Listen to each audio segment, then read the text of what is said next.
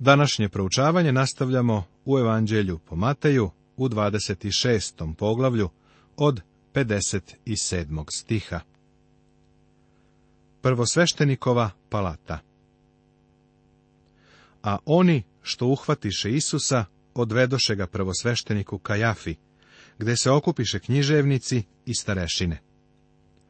Kasnije ćemo vidjeti da je sve ovo podstakao Kajafin tast, ali Isus mora biti izveden pred Kajafu, prvosveštenika, radi prve optužbe.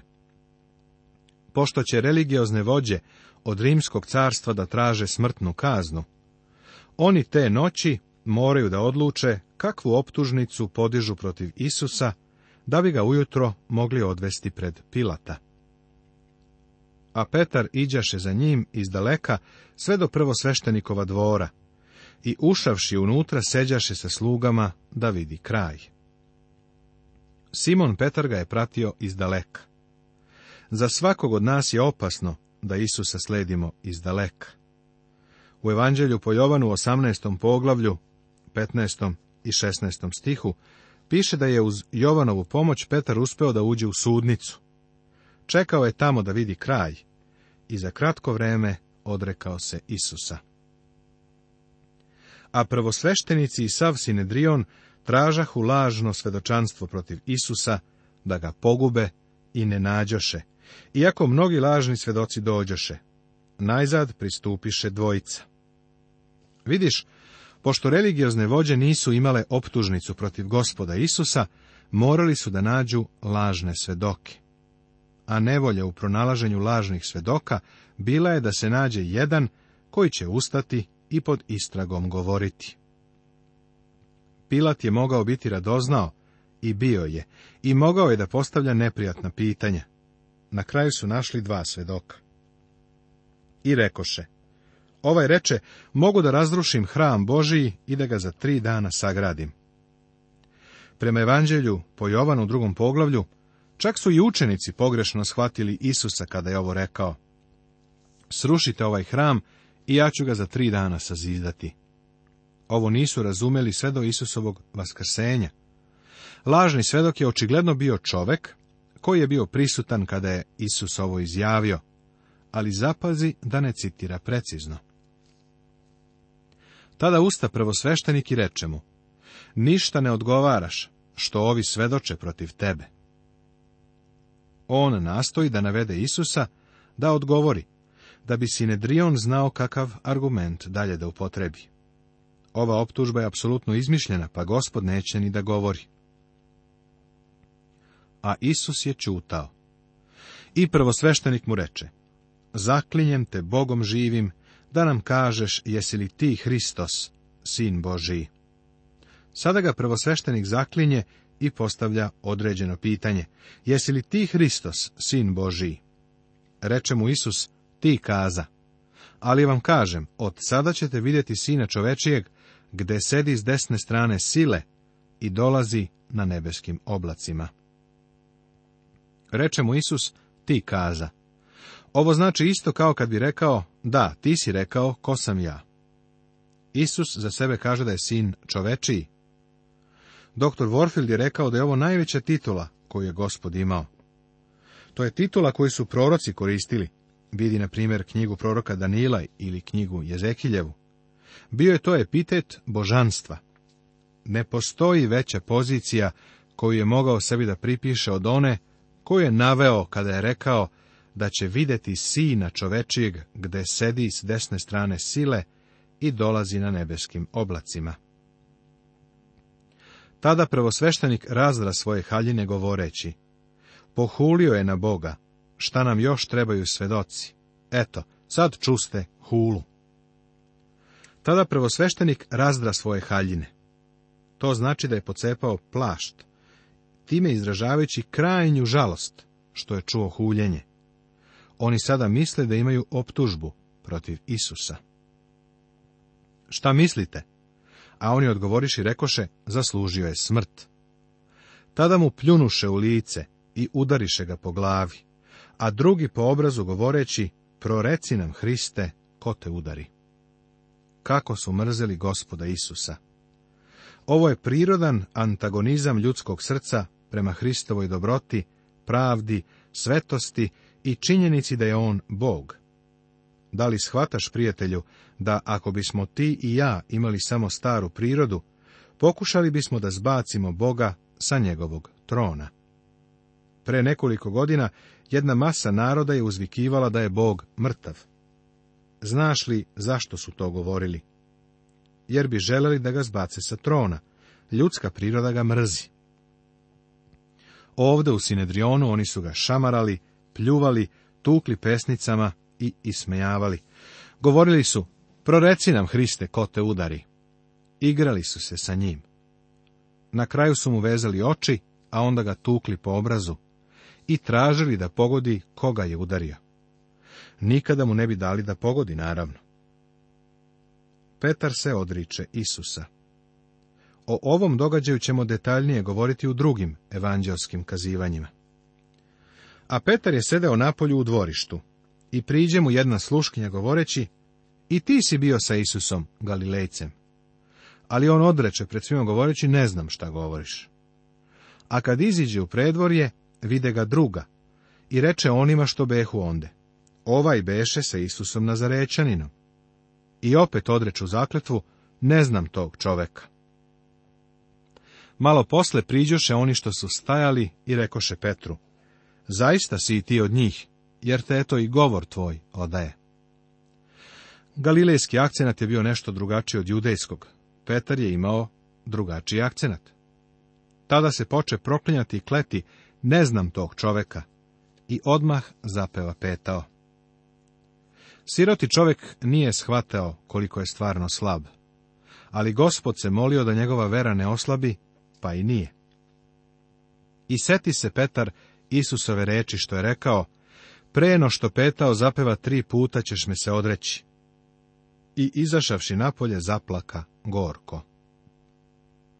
Simon Petar je bio na pogrešnom mestu. Za njega je to bilo mesto iskušenja. Nikakvo opravdanje ne može da se ponudi za ovu nisku izdaju. Bio je kriv za odvratno delo. Međutim, Petar se pokajao i vratio u zajednicu sa gospodom, koga je voleo. U stvari, Petar je bio onaj kome je gospod dao privilegiju da propoveda prvu propoved nakon silaska duha svetoga na dan Pentikosta. I tada je tri hiljade ljudi bilo spaseno. Poglavlje 27. Tema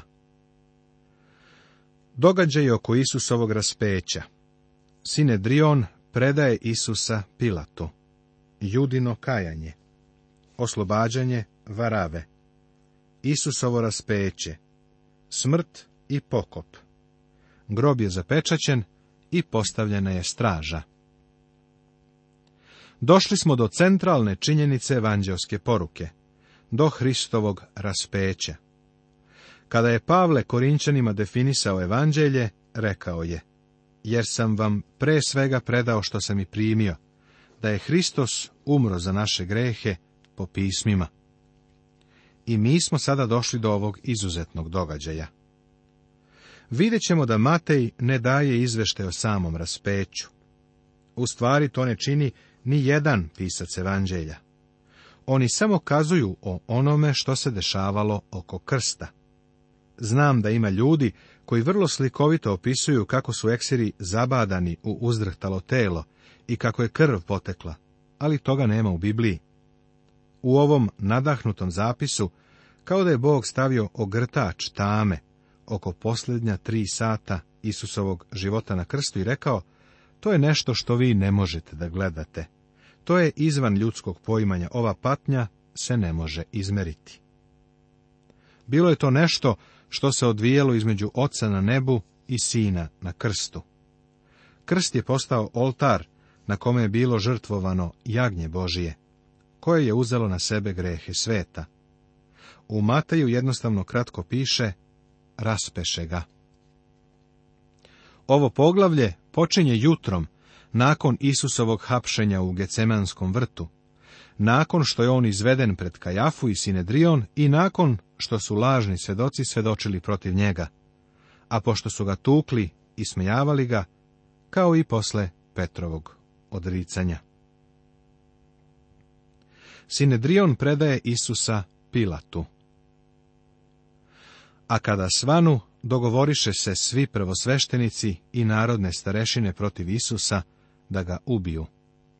Protiv Isusa su podigli tužbu i sada hoće da ga vode na vrhovni sud.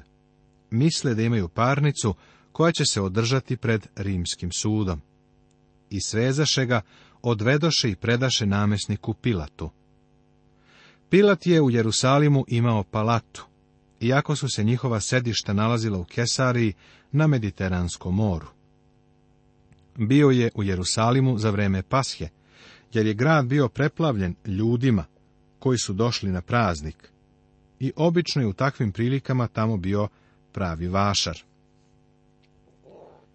Tada juda koji ga izdade, videvši da su ga osudili, pokaja se i vrati 30 srebrnika pravosveštenicima i starešinama. Vidiš, gospod Isus je bio tamo kada je Juda došao. Dok su ga prvosveštenici i starešine vodili kroz onaj hol, da ga izvedu kroz Pilata, došao je Juda. Zašto se Juda nije obratio ka gospodu i molio oproštenje? Umjesto da to učini, on se obraća religioznim vođama. Govoreći, greših što izdadoh nevinu krv, a oni mu rekoše, Šta se to nas tiče? Drugim rečima, ti si uradio posao i s tim je gotovo. Imamo onoga koga smo gonili. Isplatili smo te i više nam nisi potreban. Tada baci srebrnike u hram, udalji se, ode i obesi se. Ovaj čovjek izlazi iz hrama, odlazi i veša se, a mogao se okrenuti gospodu Isusu i primiti oproštenje. A prvosveštenici uzeše srebrnik i rekoše, ne valja ih metnuti u hramovnu blagajnu, jer su plata za krv. Kako su samo bili pobožni! Ne mogu da ih stave u blagajnu hrama, jer je to krvav novac. Nego se dogovoriše, te kupiše za njih lončarevu njivu, za groblje strancima. Zato se ona njiva do danas zove krvna njiva. Ovo je bilo izvanredno ispunjenje proroštva. Tako se ispuni što je rekao prorok Jeremija. I uzeše trideset srebrnika, cenu procenjenoga, koga proceniše sinovi Izraeljevi i dadoše ih za lončarevu njivu, kako mi naredi gospod. Vidjet da se ovo proroštvo poziva na knjigu proroka Jeremije na 18. poglavlje, a da je citirano iz proroka Zaharije iz 11. poglavlja, Svetoga pisma Starog zaveta. Pripisuje se Jeremi jednostavno zato što je u Isusovo vreme Jeremijina knjiga bila prva proročka knjiga, pa se ovaj odeljak povezuje i poistovećuje sa imenom ove prve knjige. Važno je to da je Isus bio prisutan kada je Juda vratio 30 srebrnika. U stvari Isus je bio na putu da umre, čak i za Judu. Gospod mu je tamo u Gecimanskom vrtu dao priliku da mu se vrati i rekao je, prijatelju, zašto si došao? Čak i u taj 11. čas Juda je mogao da se obrati gospodu i doživi oproštenje. Pilat ispituje Isusa. A kada Isusa postaviše pred namesnika, zapita ga namesnik, jesi li ti judejski car? A Isus reče, ti kažeš. Vidiš, Religiozne vođe su želele da se oslobode Isusa zbog onoga što su smatrale hulom. Sećaš se kada ga je prvosveštenik zakleo i pitao da li je on Hristos, sin Božiji, a Isus je rekao da jeste. I nastavio je, od sada ćete vidjeti sina čovečijeg, gde sedi s desne strane sile i dolazi na nebeskim oblacima. Za religiozne vođe ovo je bila hula i oni bi ga radi toga kamenovali, ali rimska vlast nije dozvoljavala da jevre sprovode smrtnu kaznu. Zato su morali da ga izruče Pilatu sa optužbom koja će ga gurnuti na rimski sud. Izdaja bi bila ono što će ga odvesti na sud, pa je Isus optužen da je za sebe tvrdio da je judejski car. Isusov odgovor na ovu optužbu bio je ti kažeš ili tako je kako kažeš. A kada ga optuživahu, prvosveštenici i starešine, ništa ne odgovori. Oni su neke lažne optužbe izneli protiv njega, ali on nije želeo da na njih odgovara. Tada mu reče Pilat, zar ne čuješ šta sve svedoče protiv tebe? I ne odgovori mu ni na jednu reč, tako da se namesnik veoma čudio. Vidiš, on je bio jagnje Božije, koji je bio nem pred onim koji ga je strigao a o prazniku je namestnik obično oslobađao narodu jednoga sužnja, koga su hteli. Tada su imali poznatog sužnja koji se zvao Varava, ili poznatu u narodu Baraba. Mataj nam ne daje tu epizodu koja se desila. Svi ostali pisci evanđelja sadrže veliki deo izveštaja o ovome, ali Matej jednostavno iznosi samo puke činjenice. Očigledno je Pilat smatrao da verske vođe nemaju na osnovu čega da traže smrtnu kaznu. Isus nije podsticao pobunu protiv Rima. Drugi jesu, ali ne i Isus. Pilat je pred sobom imao problem. Želeo je da ugodi verskim vođama, da bi održao mir u Jerusalimu, ali je smatrao da ne može proizvoljno da osudi Isusa na smrt. Zato slučajno nalazi rešenje problema. Pošto je u to vreme postojao običaj da se u toku pashe oslobodi jedan jevrejski zatvorenik, on je rešio da masi naroda ponudi izbor. Isusa ili vrlo zloglašenog zatvorenika Varavu, Barabu, koji je bio optužen i kriv za ubijstvo, pljačku, izdaju, za sve to. I kad se okupiše, reče im Pilat, koga hoćete da vam oslobodim, Varavu ili Isusa koji se zove Hristos? Pilat je mislio da će narod svakako tražiti da Isus bude oslobođen. Kontrast između njega i Varave bio je očigledan. Jer je znao da su ga predali iz zavisti. Pilat je bio lukav političar. Video je šta se sprema i bio je siguran da će narod tražiti da se Varava razapne, a oslobodi Isus. To bi mu dalo srećan izlaz iz ove situacije a kada je sedeo na sudijskoj stolici, poruči mu njegova žena, nemoj se ti ništa mešati u stvar onoga pravednika, jer sam danas u snu mnogo prepatila zbog njega. Pilatova žena je bila maksimalno sueverna. Verovatno je bila uključena u neku misterioznu religiju, a koja je mogla biti i sotonska. Ne verujem da je ovo upozorenje došlo od Boga, da je ona bila samo jedna obična žena, ona bi istražila o Isusu i tako više o njemu saznala. Međutim, ona to nije uradila. Bila je prosto sujeverna i molila je muža da sa Isusom nema ništa. Ali sveštenici i starešine nagovoriše narod da zatraže varavu, a Isusa da pogube. Vidiš, i religiozne vođe su bile lukavi političari. Kružili su po masi i govorili, tražite da Varava bude oslobođen, a da se Isus uništi. A namestnik im se obrati i reče, kojega od ove dvojice hoćete da vam oslobodim? Oni rekoše, Varavu. Pilat je bio zabezeknut, nije znao kako nisko mogu da padnu religiozne vođe. Reče im Pilat, a šta da uradim sa Isusom koji se zove Hristos? Svi rekoše da bude raspet. Zamisli rimskog sudiju koji pita narod šta treba da uradi sa zatvorenikom. Pilat je sudija i on treba da donese odluku. Jovanovo evanđelje nam kaže da je Pilat nekoliko puta zvao Isusa u sudnicu i ispitivao ga nasamo. Izgleda da je ovako mislio. Isuse, ako budeš sarađivao sa mnom, mogu te izvući iz ovoga, a to će i mene osloboditi ove vrele stolice na kojoj sedim. Ali gospod Isus se nije branio. Kada analiziramo ovu smejuriju od suđenja, dolazimo do zaključka da je Pilat bio na suđenju, a da je u stvari Isus bio sudija. Pilat je morao da donese odluku u vezi sa njim. Tako on pita narod, šta da uradim sa Isusom koji se zove Hristos? Kao udarac u lice stigao je odgovor, da raspet bude.